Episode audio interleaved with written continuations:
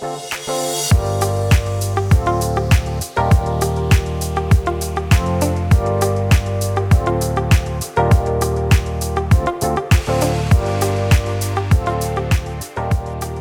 till ett nytt avsnitt av Högräntepodden. Det är jag som är Stefan Westfeldt. Gustav Andåker. Lars Möller. Och idag så har vi en gäst med oss som vi är väldigt glada att kunna presentera och få eh, diskutera med här idag. Det är Mikael Störup. Välkommen eh, Mikael. Tack ska ni ha. Kul att vara här. Jätteroligt att du ville vara med oss. Absolut. Eh, Och med Mikael ska vi prata om ett och annat men framförallt så eh, är vi taggade inför att gräva lite djupare i valutamarknaden som har varit Mikaels professionella hemmaplan under lång tid. Så, så det ska bli kul. Ja, verkligen. Absolut. Svenska kronan är väl på alla svenskars läppar nu. Ja, ja, ja, precis. Vi, vi, Tyvärr. Vi har ju fått en realinkomstsänkning på en 40 procent här över de sista två- 20 åren. Eller vad det är. Ja. Ja. Ja, så det är, Herregud, jag var på se- semester i USA i somras. Det, det var ju blodigt alltså. Ja, jag det, kan tänka mig. Jag var i Schweiz. Ja. Ja, Det var ganska blodigt också. det, det var jag också. Ja, bra, Mikael. Ja. så, det, så det är väl en grej som vi ska eh, titta extra på idag. Och, Ja, det tänkte vi göra. Och, men det var ett par månader sedan vi träffades. Så att ska vi göra en liten, liten snabb recap på vad som har hänt. Precis, det är ju sådär man, eh, nu- sitter jag inte själv i marknaden vilket jag brukar säga varje poddavsnitt då, så det är lika bra att säga det nu igen. Men eh, jag har varit borta i sex veckor, vad är det som har hänt? Det korta svaret är väldigt ofta ingenting. Jag tror ty- typ va, eh, S&P 500 är upp 1% Ja. sen 28 juni. OMX är upp 2 eller något va? Ja. Men eh, så, så jättemycket har inte hänt, vad säger ni? Nej, nej. Nej, det är ju faktiskt inte. Det är väl lite sommarstiltje. Och tittar vi på volatiliteten, VIX och sånt så har det ramlat ner ytterligare. Så den, jag tror i morse här var den under 14 till och med. Så att, och det är väl lite typiskt på sommaren. Om inte det händer någon typ Brexit eller någonting annat så, så, så brukar den faktiskt trilla ner en del. Och det har den gjort i sommar igen. Och våran, eh, våran marknad, högräntemarknaden, har faktiskt levererat Ja. och det har varit höga kuponger som nu tickar in. Så det har varit en trevlig period i, i marknaden också. Och i vanlig ordning under, under sommaren så är det inga nyemissioner eller något sånt utan det är precis dragit igång här. Det, I en liten, eh, litet eh, tillgångsklass-race sen dess så nästan, ligger high yield bra till va? Alltså Ja.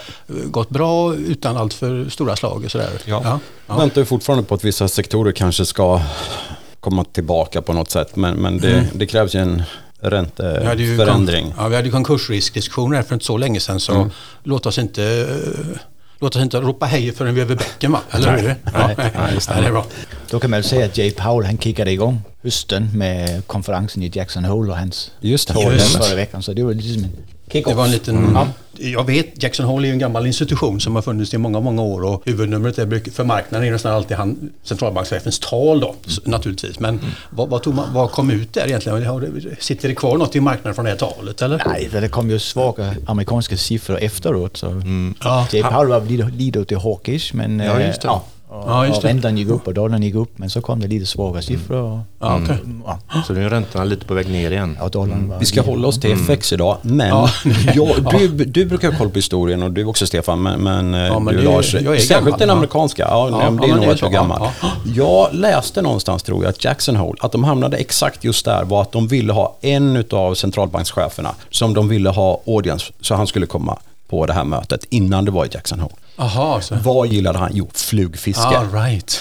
Så för att få honom till jag vet inte om det är sant. Jo, jo, men det, det spelar ingen roll om det är sant. Det är en story som man bara a- a- accepterar. Va? Ja, ja visst, visst, det. Men det är en lustig grej. Alltså det är lite, den är ju lustig den att, att, det, är, att det är så remote. Alltså det ligger ju långt ut i ingenstans det här. Och, och det är en stor samling med förstås amerikanska policymakers men det är ju centralbank, ledande centralbankspersoner, akademiker och andra eh, verkligen som samlas på ett sätt som egentligen inte motsvarar något annat i när det gäller centralbankernas vad ska man säga, gem- gemensamma eh, diskussioner. Då. Nej. Inte som en parentes men som en del av det då. Även om Powells tal naturligtvis är det som får fäste i marknaden som folk tittar på så kan man bara notera, apropå vad vi har pratat om tidigare i podden också, det här med hur långt ska bankerna gå och i så fall varför och vad är, vad är den här räntan som på något sätt är acceptabel för konjunkturen och marknaden över lång tid och så det här, det här med jäm, jämviktsränta eller så där. Och kan man ju notera att temat för konferensen det här året var, eh, och nu kommer jag att tala engelska här då, eh, structural shifts in the global economy. Så temat var kort och gott,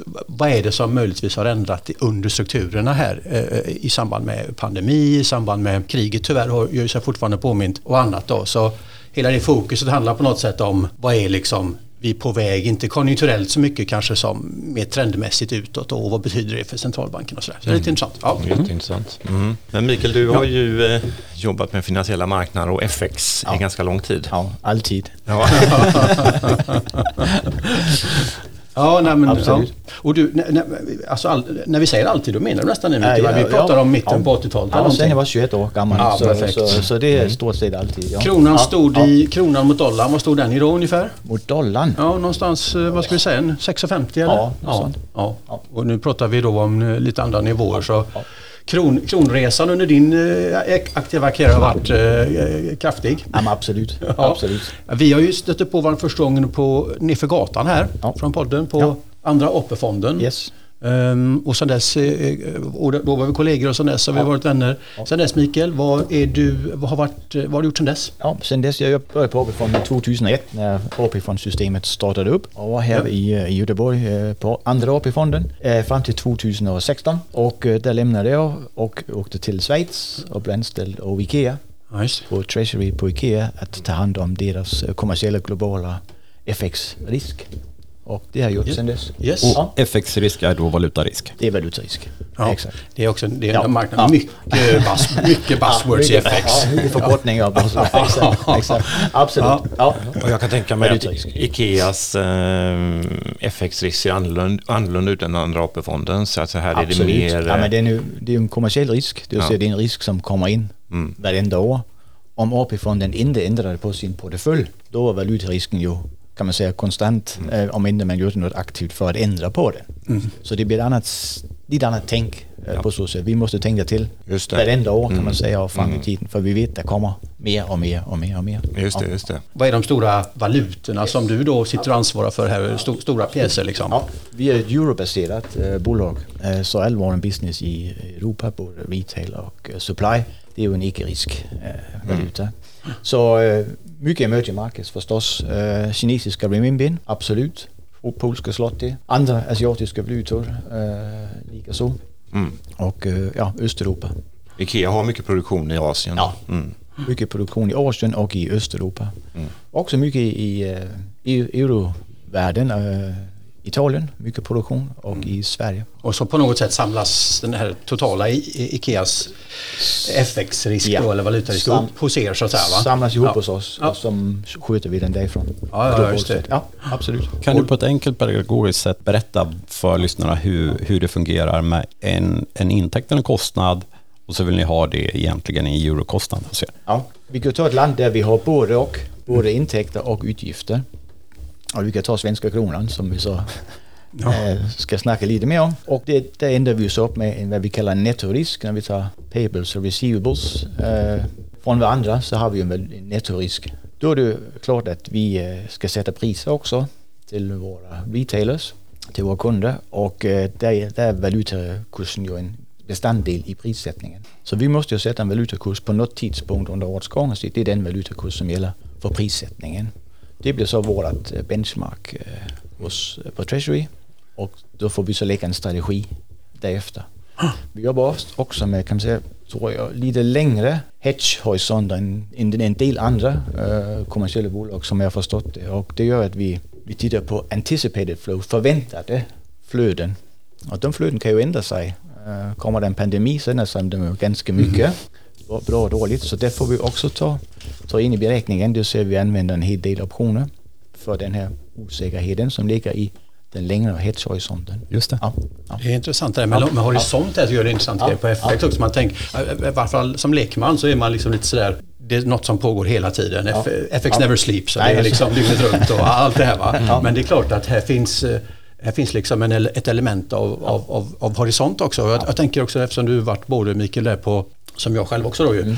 på eh, ett sånt ställe som en AP-fond då som ett, flödena är väldigt eh, förutsägbara. Alltså man Ja. vet med, vi, Ja. ett, en AP-fond vet med väldigt hög säkerhet säker, hur Ja. flöden kommer se ut. Liksom. Två, Okej. horisonten är väldigt lång. Så det är intressant ändå att, att i motsats till det så sitter du på ett ställe där, där flöden är snabbare och horisonten möjligtvis är lång då men att ni, då jobbar ni liksom för att sätta ihop strukturer på lite längre sikt. Och vad pratar vi om då liksom? Alltså, upp, upp, upp till två okej. Ja, Vi kan gå längre ut om vi tycker det är en bra idé men oftast inom en tvåårig period. Är det, vad, vilka, alltså, jag vet inte om frågan är sned Mikael, men alltså, när man går ut så långt, Ja. är, det, är, det, är det, vad ska man säga, risken och osäkerheten med att gå ut så långt i en struktur, är de, är de, är de väldigt annorlunda då förstås om man går på en Låt oss säga en, en, någon av era EM-exponeringar än om ni håller er eh, inom så, så, större Nej. valutor eller? Nej, Nej? nej. Det, det, det är stort sett samma tänk. Ah, okej. Det är det. Mm. det, är det. Ja, det är intressant. det. Det, det den stora osäkerheten ligger, för, ligger förstås i vår, vår flödesbild Mhm. och sammanhållet med att vi har en eh, benchmarkkurs och Mm. om marknadskursen ändrar sig mycket i förhållande till benchmarkkursen, Så- ja, då får vi Som den gör ofta. Ja, precis. Så det, då får vi, det är de parametrarna vi jobbar med. Ja, ja. Så när jag säger långsiktig så Ja. är det ju kort, mer kortsiktigt än en AP-fond förstås. Men jag tror det är lite mer långsiktigt kanske än många andra uh, kommersiella bolag. så, så jag menar. Ja. När, när det gäller FX, det här är sådär som, som man, återigen lite mer som lekman då, eh, på grejer om FX som man tror eller vet så, så det, ja, det, är- det är centralbankerna, är- det här är en speciell marknad, så centralbankerna är, är stor aktör. Vi har eh, hedging och, och, och hedgingaktivitet bland export och importföretag. Så vi har ett antal, tänker man sig, stora eh, aktörer i FX som inte drivs i första hand kanske av eh, relationen mellan eh, avkastning och risk. Yes. Som mer är fallet då om man är en typisk eh, aktieaktör eller, eller för den delen high yield. Då då. Så Ja. Vad innebär det liksom för hur man, hur man tänker på marknaden här? Att det, att det liksom är så olika typer av motiv när man går in i marknaden. Och vad, Ja. vad betyder det för er, er Det verksamhet? Liksom? Det är, väl, det är väl det som gör valutamarknaden kanske lite, för vissa lite svårare att hantera. Ja. För det är nettopp de här olika typerna av säger oss som är drivna av, av olika eh, saker. Men, men jag, samtidigt så vi vet ju att de finns. Ja. Eh, och eh, det är ju fortfarande de grundläggande te- teman som, Ja. som driver. Alltså det är ju räntan, det är ju politik, det är allt det som vi kommer in på idag. Som fortfarande är den drivande kraften i valutamarknaden. Det är en eh, pure macroplay som man säger. Men det, det, det finns inte så många renare uttryck för ett lands makrobild än, eh, än valutan på något sätt. Jag menar, korträntorna hålls ju av, av, av, av centralbanken på ett eller annat Ja, sätt. Och, ja. men, men ett rent makroplay är ju ändå Ja. valutamarknaden tänker jag. Jag bara studsar vidare på, den, på det temat lite Mikael, om ni är okej där. Men, Yes. men jag tänkte på det här.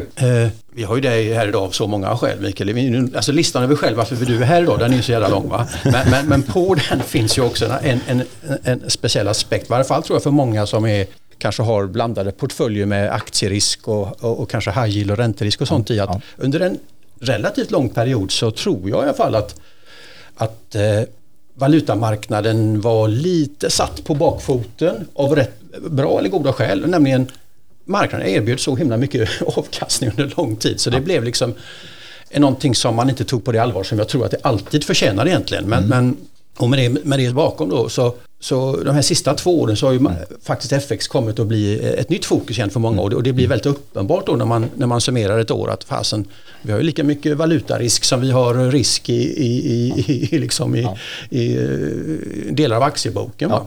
Så eh, mot den bakgrunden Mikael, vad tänker du här? Liksom, vad, vad är det som har hänt i marknaden? Vad är det som driver den? Vad är det som på något sätt kanske står i fokus här under närmsta halvåret och året? Då? Ja.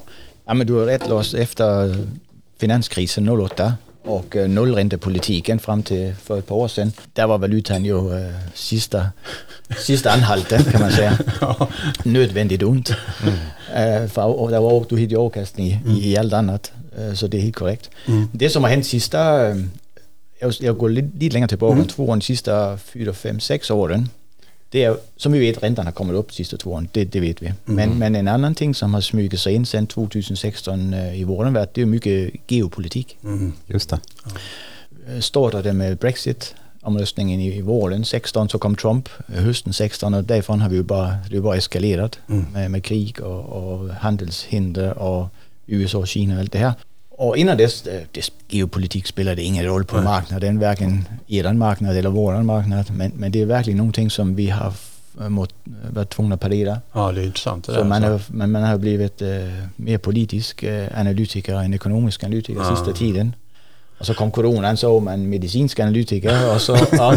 Men, men eh, se bort från den perioden så, så var absolut my- mycket politisk, eh, mycket mer politisk analys har gått in hos oss i alla fall. ja, det är intressant. Det där. Från ett marknadsperspektiv. Ja. Är det, skulle du säga att det, det här med geopolitik är också någonting som du säger som är liksom Ja, det är aktuellt för alla som håller på med det här och, och, Ja. och, och så på, på olika vis. Då, då. Men jag tänker Jag menar, en, en sak är väl å ena sidan hur geopolitik påverkar, låt oss säga, de mest likvida och de mest största valutorna från dollarn och ner. Så att säga, mm. å ena sidan. Å andra sidan det här liksom att det nästan blir lite eh, binärt på något sätt. Kan vi ens vara med i det här landet? Vad händer om Kina nu börjar tram, mm. trampa vatten runt Taiwan? Och alltså det här, mm. mm. På något sätt så blir storheten alltså drastiska här. Ja. Är det något som ja. ligger på ert bord misstänker jag ja. också ja, det, naturligtvis? Ja, men det är det, det, är det. Just den sista du sa, det, det är ju något som är ja, dit vi inte vill. Nej. Det är ingen som vill dit. Nej, såklart. Nej. Äh, såklart inte. Och, äh, men men äh, alla, alla perspektiv tar, tar vi in. Ja. Absolut, mm. det måste vi. Hur mycket tycker du eller tror du är rent spekulativa hedgefondflöden i valutamarknaden? I valutamarknaden? Ja, i valutamarknaden ja. i förhållande till ja. mer kommersiella. Kommersiella och, och, och investeringsflöden. Ja. Då är hedgefondflöden en, en mindre del. Ja, okay. det är det. det, är det. Vi har väl en daglig omsättning på är det 7,5 triljard, säger man så på svenska? Ja, Triljon, ja hörde ni detta? Ja, Lyssna nu. Det här är, ja, det här är skalan på FX. 7500 miljarder ja. dollar i omsättning per dag. Oj, oj, oj. Ja. Ja. ja det är... och, och, det, så, så, så, det är klart, eh, hedgefonden har en del, men det, det är investeringsflöden, bondflöden, mm, mm. jättestora. Just det. Ja.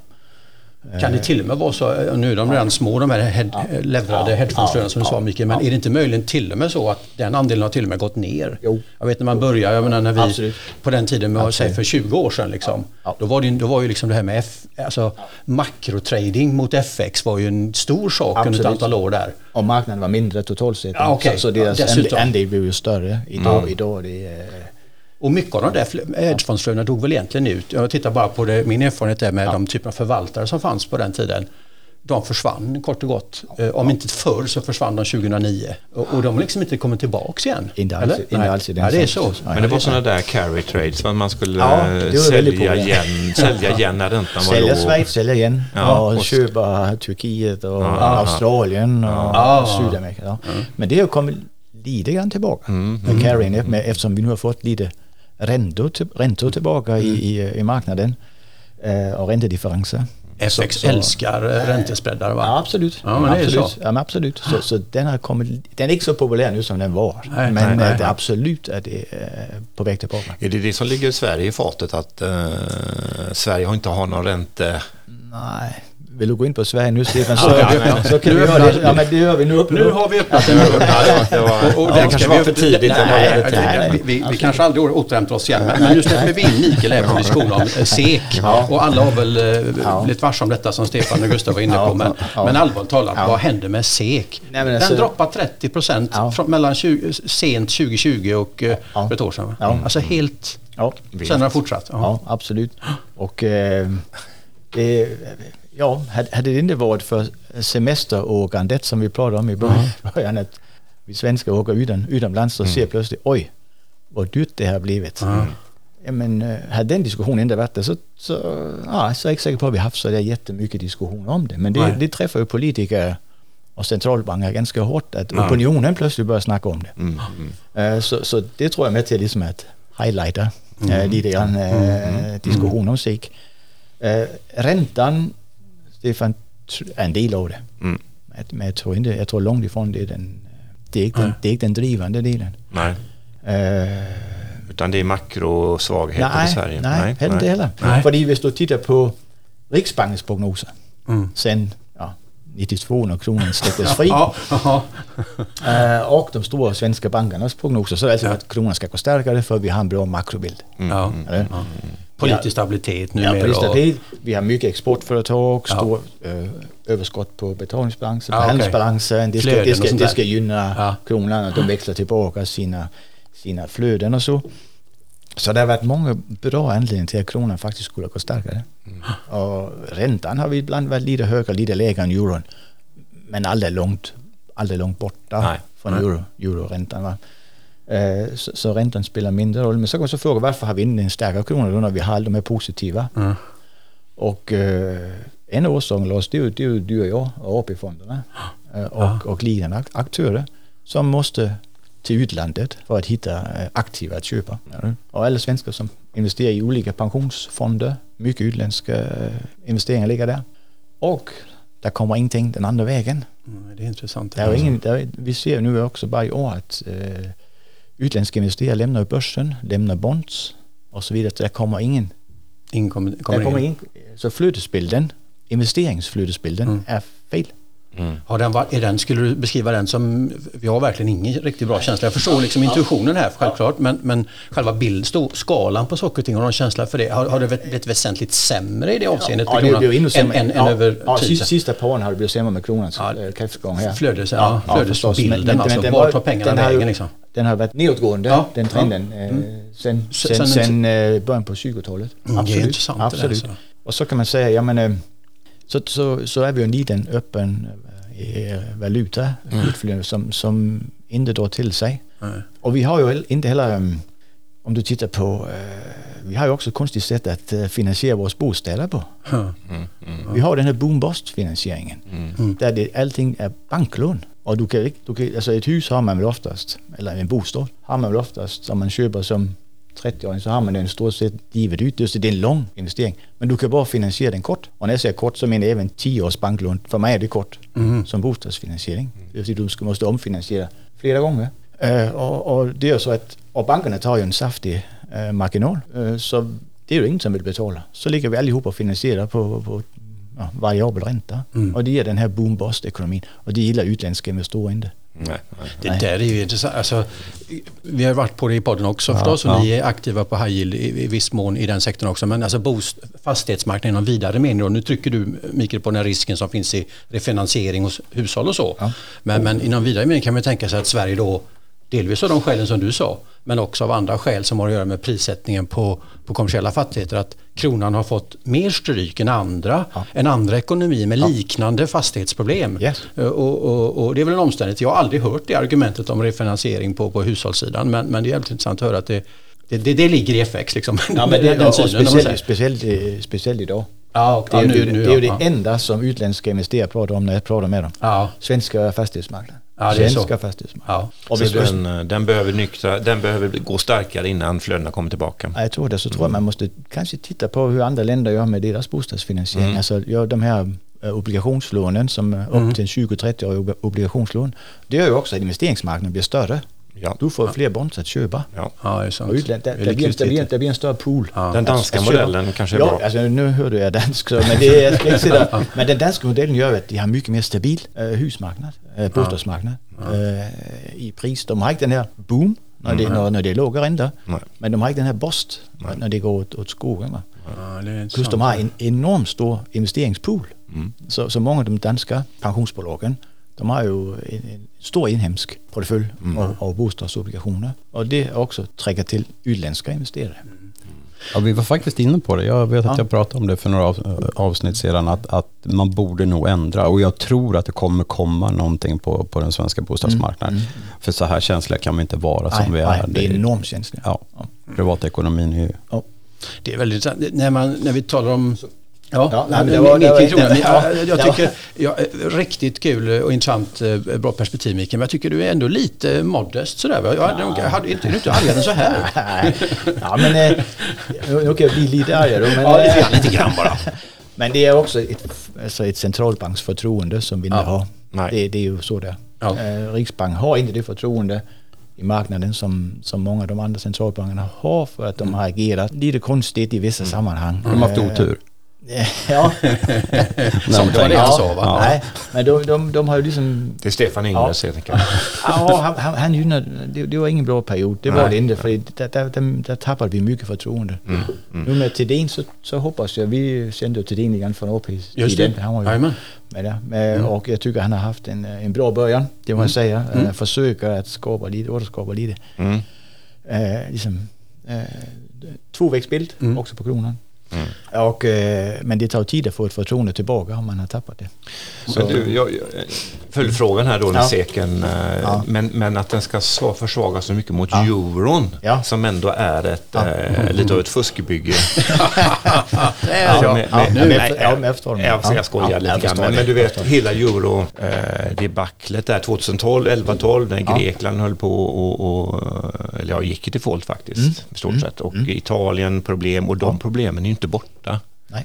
Utan eh, det, vi kan ju få stora problem, Ja. eh, speciellt nu när högre räntor och Absolut. italienarna ska fin- finansiera sig. Absolut. Vad har du för kommentar till det? Absolut. Det var ju det där 12-13, det var den sista gången svenska kronan gick riktigt starkt. Ja, ja, ja. För där köpte man ju SEK som en hedge mot, eh, mot euron faktiskt. Ska vi ju ner på 8,20 mot euron. Eh, 13 tror jag det var. 14 där. Men min kommentar Steve, det är att det är ett eh, fråga om förtroende. För det som hände den gången det var ju att eh, Draghi kom ut och sa whatever it takes. Whatever it takes, ja. Mm. Och det betyder att ECB är där whatever it takes. That's it. Och den det behöver. marknaden pivotar på den liksom. Ja, och, och det, det vet vi.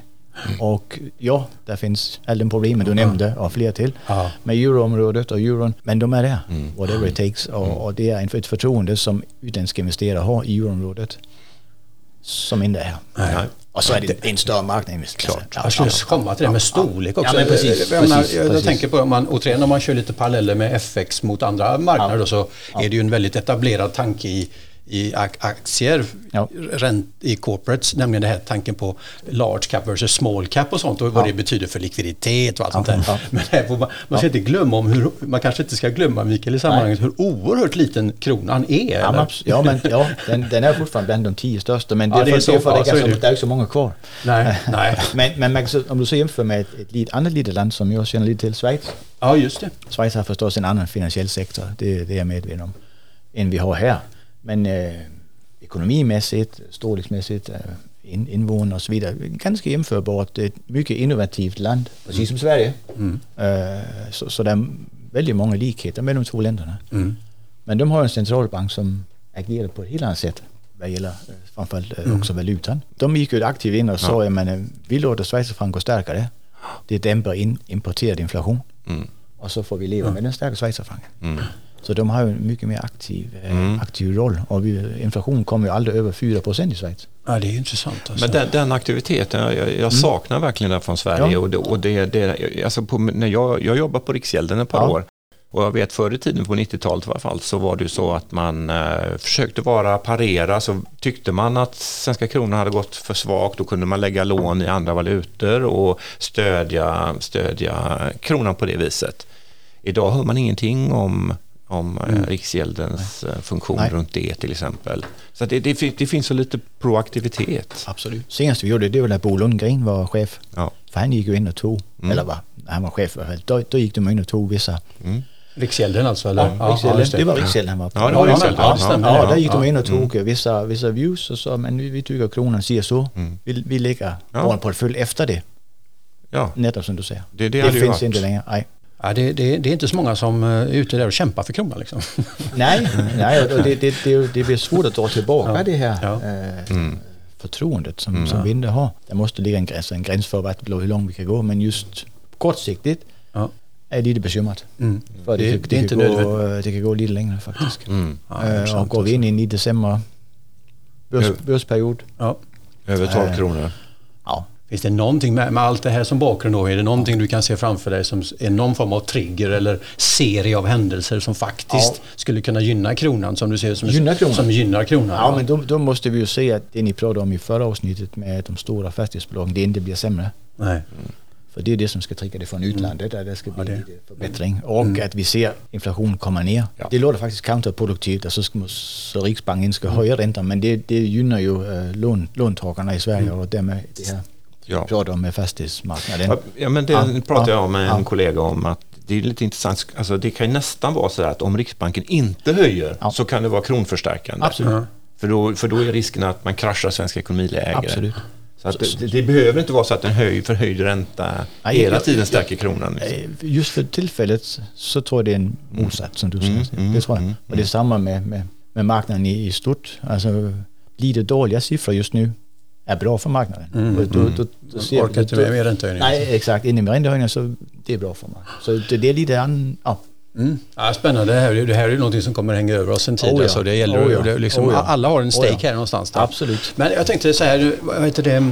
Du pratade lite Mikael om skillnaden mellan att jobba då med en, liksom en underliggande stor portfölj som, som eh, den på AP till exempel och, och, och den flödesbild och det du har att hantera i ditt jobb Intrikea och så här då. Men rent mer allmänt då, hur ska man tänka på det här med hedging-strategin? Okej, vi lever med den osäkerheten. Vi säger att vi är kroninvesterare vi- och vi lever med den osäkerheten som vi just beskrev. Då. Men, men mer eh, på längre sikt så, jag tänker på om man går över liksom riskspektrat här från, eh, från statsrisk till kanske investment grade-risk på corporates ut hela vägen till, till, till det här med, med high yield och så först. Ska, hur ska man vad, vad, gör ni, Stefan och Gustav, till exempel ja, i, det här avseendet? I, eh, I vår fond så hedgar vi valutan helt ut i stort sett. Ja. Det är bara någon, någon liten skvätt som är eh, aktiv risk så att säga. Ja. Och, och, det har vi medvetet gjort för att valutorna är så pass volatila så att eh, det påverkar avkastningen för mycket. Ja. Och vi tar till mycket risk som det är i de här, i kreditrisk i fonden. Ja. Så att vi, vi, vi, och det är det som är vår specialitet, så då Precis. fokuserar vi på det. Liksom lägga fokus på. Vilka ja. valutor är aktuella här för er då? Då blir det inte så många kanske? Har väldigt mycket euro, vi är säkert halva fonden ligger i euro. Ja. Så väldigt många nordiska emittenter vill emittera i euros. Det har varit superpopulärt de sista åren skulle jag säga för de stora fastighetsbolagen att gå, gå längre ut än, än att vara på hemmamarknaden och hämta kapital. Mm. Och det är kanske det som har straffat då nu som du säger här att när Sverige inte är så hett längre så flyr investerarna. Ja. Ja.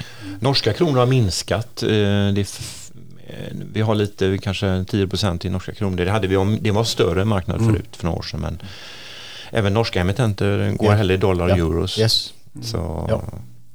Mm. Ja, där, ser du, där ser du samma ja. effekt på valutan. Ja. Trots fantastiska makro ja, som vi förutsättningar. Ja, förutsättningar. Mm. Olja och sånt. Ja, ja.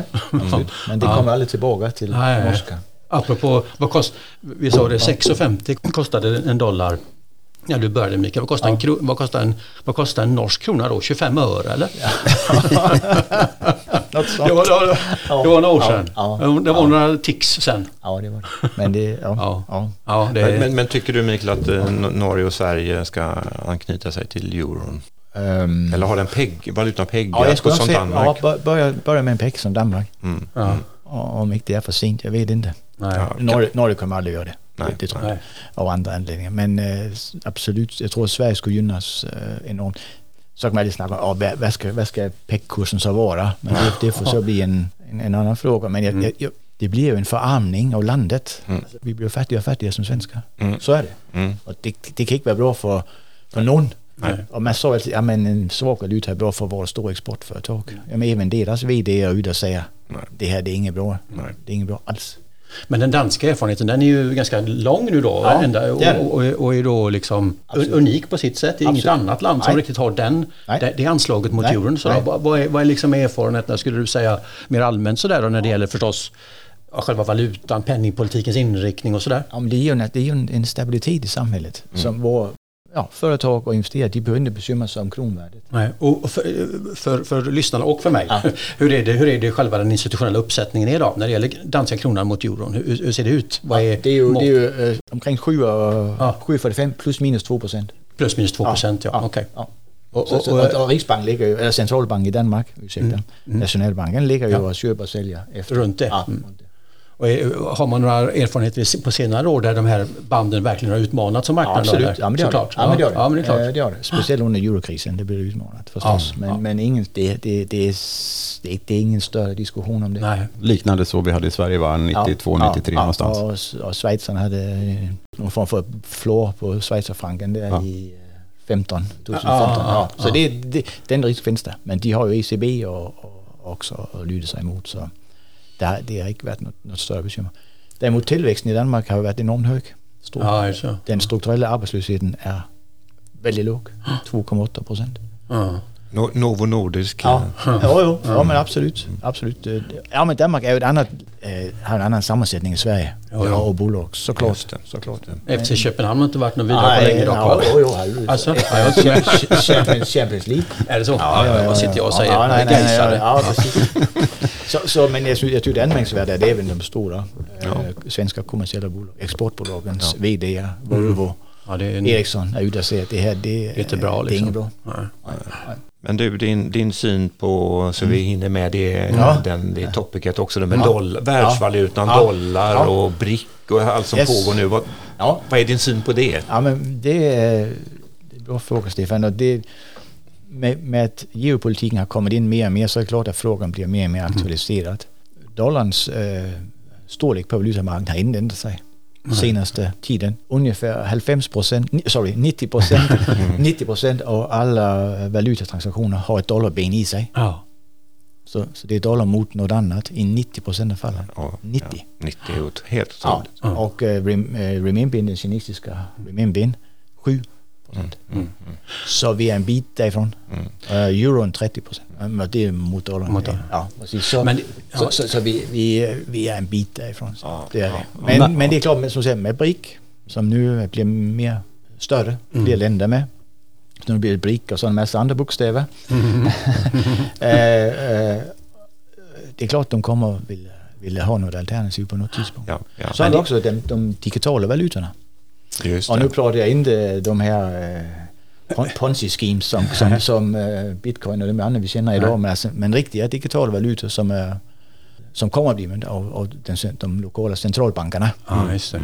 Så eh, det blir också spännande att se vad det kommer att Det hända. är spännande. Ja. Det, borde, det vara en, bla- bland stora förändringar över Ja, din abs- karriär i FX yes, yes. så är det väl ändå det som... Ja, det är gott jag nått viss, viss ålder tror jag. Ja, så, ja. så, men, men absolut, det kommer att bli en jätteändring. Det tror Ja, det jag. är Ja. intressant. Men det ligger en stor makt tänkte jag säga i att vara den största valutareserven liksom, hos Absolut. flera. Ja. Det, det måste vara något som politiker aktivt tänker på och funderar över hur ska jag Ja. behålla den makten? Ja. För vi Ja. vet vi har haft Storbritannien tidigare var en världsherravälde, det har varit Holland, det har varit Ja. eh, Romar och så vidare. Ja, ja.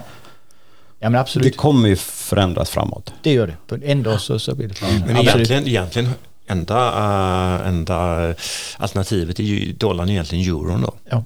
Eller hur? För Ja. om den har 30 procent så är Ja, ja. världsvalutan nummer två då är ju euron. Ja. Helt enkelt. Ja. Sen, sen är det inte lite så, jag menar, jag hör, det här är ju en, stor- det här är ju en, intressant det här med reservvaluta och de, de politiska implikationer som det innebär så. Men är det inte också lite så, nu tar vi lite andra sidan här då, är det inte lite så att man har hört det här, varianter av det här har jag hört i alla fall i 30 år tror jag. Absolut. Någon ska alltid ta över. Jag har inte sett Ja, något nej. riktigt Nej. spännande på det fronten. Ja, men- Kanske det här brick igen då, då men låt Ja. oss inte övertolka samtiden, Nej. säger jag då. Ja, men, eh, det, det, jag, jag är på samma sida. Ja, jag är på samma Ja, sida. ja, ja. Det, Det betyder att inom vår livstid så kommer vi inte se någon förändring. Kanske i din Gustav. Ja, Men inte i min. Inte i min. Och då kommer större bönder bli 99. Ja. ja, men det, nej, jag tror det är längre utsikter. Ja. Det är långa Ja, det är utsikter. spännande. Det tror jag. Ja, men det är jättespännande det här att, att Sverige, alltså det, det mm, låg inte riktigt i min, eh, att jag, någonting som jag trodde skulle hända riktigt, att vi, svenska kronan skulle försvagas så mycket. Nej. Jag trodde att makro betyder mycket mer. Ja. Utan här är det flöden som Ja. betyder fruktansvärt mycket, Ja. som kan försvaga en valuta Ja. väldigt, väldigt mycket. Kanske ett skakigare bygge då som euron där det, där det finns obalanser. Man har inte ens en, en, en egen eh, finanspolitik. Korrekt. Trots det har man ändå en stark valuta. Ja. Det är ju det liksom. En Väldigt stabil, en stabil, stark, stabil valuta. Ja, det, absolut. det, det, är liksom, det, det är verkligen uh, någonting att ta med sig. Absolut. Absolut. Så, Tror du att vi kommer Spännande. nå all time high nivåer på dollarn i Sverige? En gång till Gustav. sa du? Kommer vi se nivåer nu som faktiskt låg, för på något sätt historiskt så har vi hållit oss in, inom ett spann på ja, 5,50 kanske någon gång har varit lägsta. Men jag skulle säga 6,50 till 11,50 det är liksom Ja. dollarspannet vi har sett Ja, hittills. Det du beskriver att det inte finns några investerare som vill in, vi har problem med fastighetssektorn som är väldigt stor i Sverige. Om inte fastighetssektorn återhämtar sig här, kommer vi då gå till något som vi inte tidigare har sett? Nu vad gäller dollarsvenska, där, där är dollarn ju en, en väsentlig del av det. så så du, där måste du ha en view på dollarn också. Vad tror du på dollarn mot euro och dollarn mot de andra valutorna också, in, inte bara SEK, eh, SEK-benet. Eh, så, så den blir lite mer svår att prognostisera tycker jag än eurosvenska. Mm. Håller, eh, tänker vi på eurosvenska så tror jag vi har på kort sikt har en, eh, en risk för att vi kommer högre. Och jag tror också på kort sikt, men det är för att jag är lite bullish på dollarn. Jag tror vi kommer högre i dollarsvenska också. Jag tror, men jag tror vi har hamnat i en nytt, eh, en nytt nivå. Mm. Jag tror, jag tror inte vi går tillbaka till 9-20 där vi låg innan eh, finanskrisen. Det tror jag absolut inte. Mm.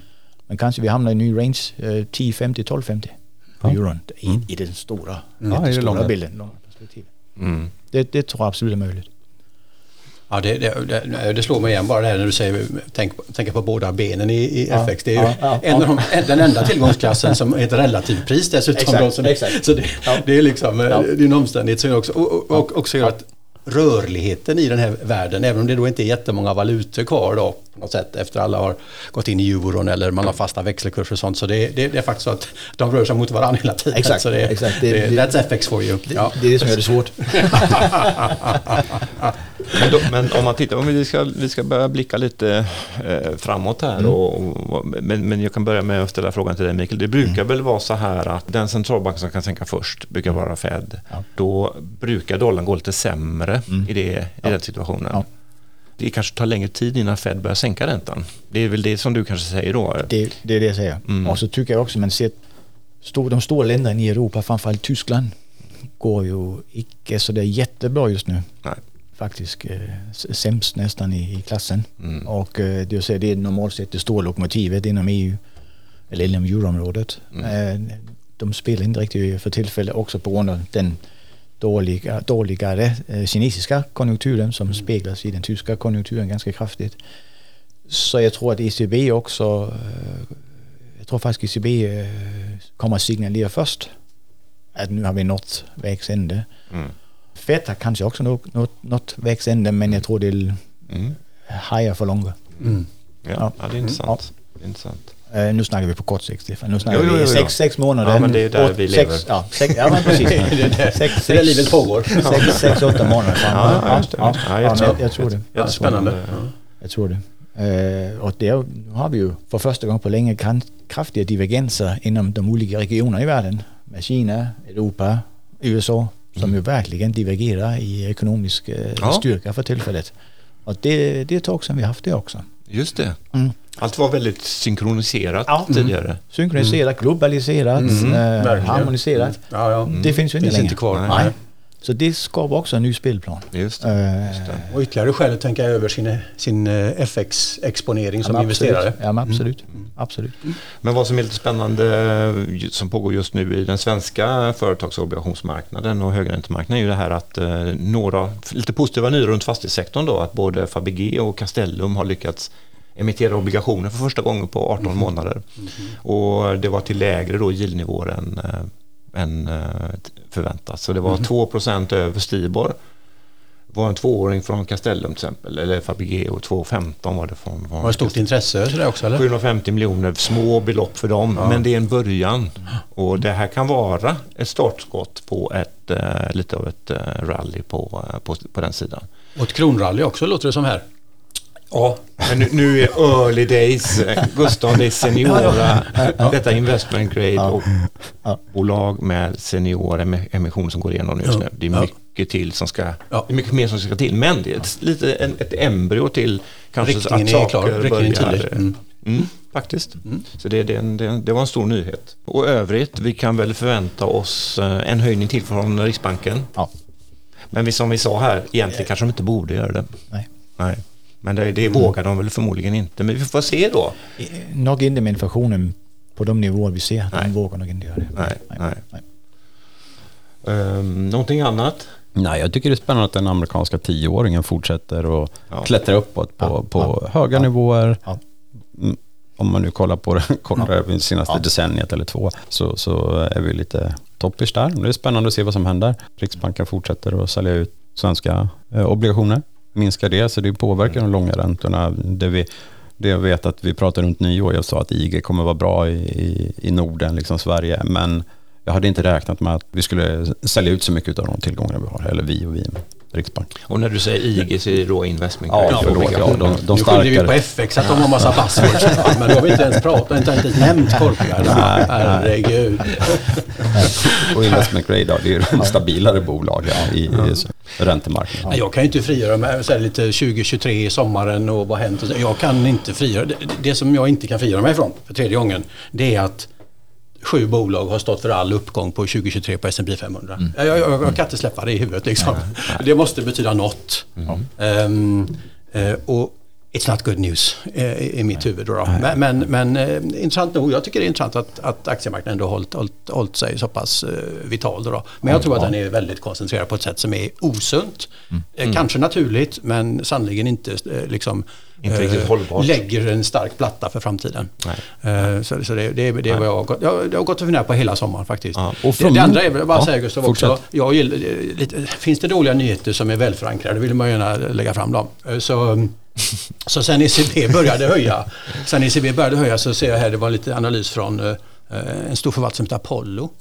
Eh, intressant. Ja, men De, de pekar just på, apropå vad vi pratar om här, vart räntorna räntan på väg, hur långt ska den gå, får man betalt för sin trovärdighet och sånt där. Så trenden i, i faktiska realiserade eh, eh konkurser i Europa har, har, har, som väntat kanske då, men faktiskt satt fart i, i hälarna på, på ECBs eh, räntehöjande. Och, och, och har man en vy här att det kanske kommer krävas ytterligare från ECB och så, så, så ser man ett par sektorer, framförallt då på Europa här, att, att, eh, på, på, på, att så som transport, eh, vad är det mer de pekar på, eh, restaurang och, och hotell och sånt faktiskt eh, ser, ser svårt ut på kreditsidan. Då då.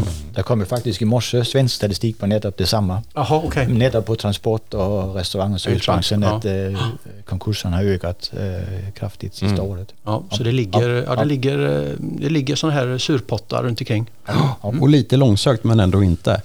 Miljövädret. Mm. Det har varit fruktansvärt i, i Sverige, Europa, Hawaii. Eh, det, här, det också. det här får ju faktiskt eh, ESG-biten, eller då E1 i alla fall ESG, att eh, få ännu mer fäste tror jag på något sätt. Det här måste lösas. Så är det. Risken är ju bara att folk gör ännu mer fel på samma sätt som förut. Liksom. Men, men, men, eh, men jag håller med dig. Eh, Möjligen, är man cynisk här då, Gustav, Ja. kanske man får vara här på Räntepodden, så, så eh, Hur man vill. Ehm, alltså vårt klimatbeta måste väl ändå vara bättre än, än, än Hawaii så att säga. Alltså vi, vi tycks ju inte känna någonting på att vi, att vi har relativt, relativt sett i varje fall inte så dåligt väder som på andra som är utsatta då. Nej, det är, så är det. det är fruktansvärt som händer. Men, men det Vi, var, vi ja. borde fått ett finare väder menar du? Ja, nej, jag menar bara, jag menar bara så här egentligen. Nej, men jag håller med dig. Det, det är ju så.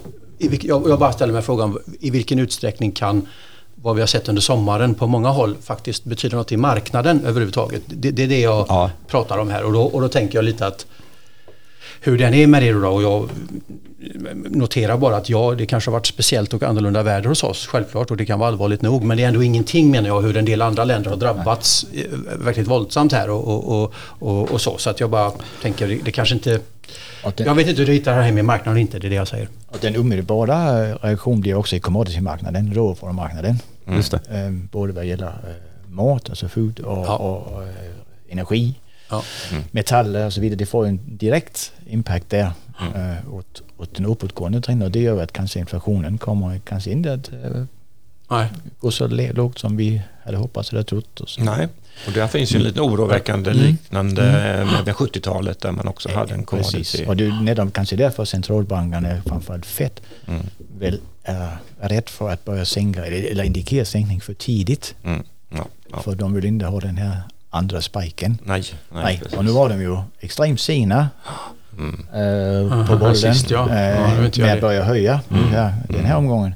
Mm. Så därför tror jag också de, nej, det kommer dröja lite innan de vågar släppa på kursen.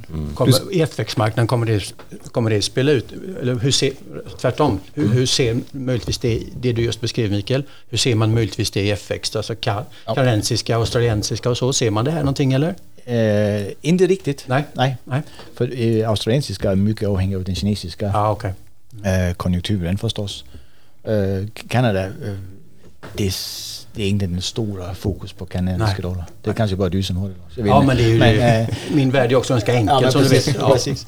Så, så det är framförallt dollarn. Ja. Ja. Du ska inte missförstå mig vad jag menade där med, med vädret i Jo, Sverige. men varför nej, inte? nej, men Nej, jag tänker nej, så här. bra. USA visar de extrema konsekvenserna.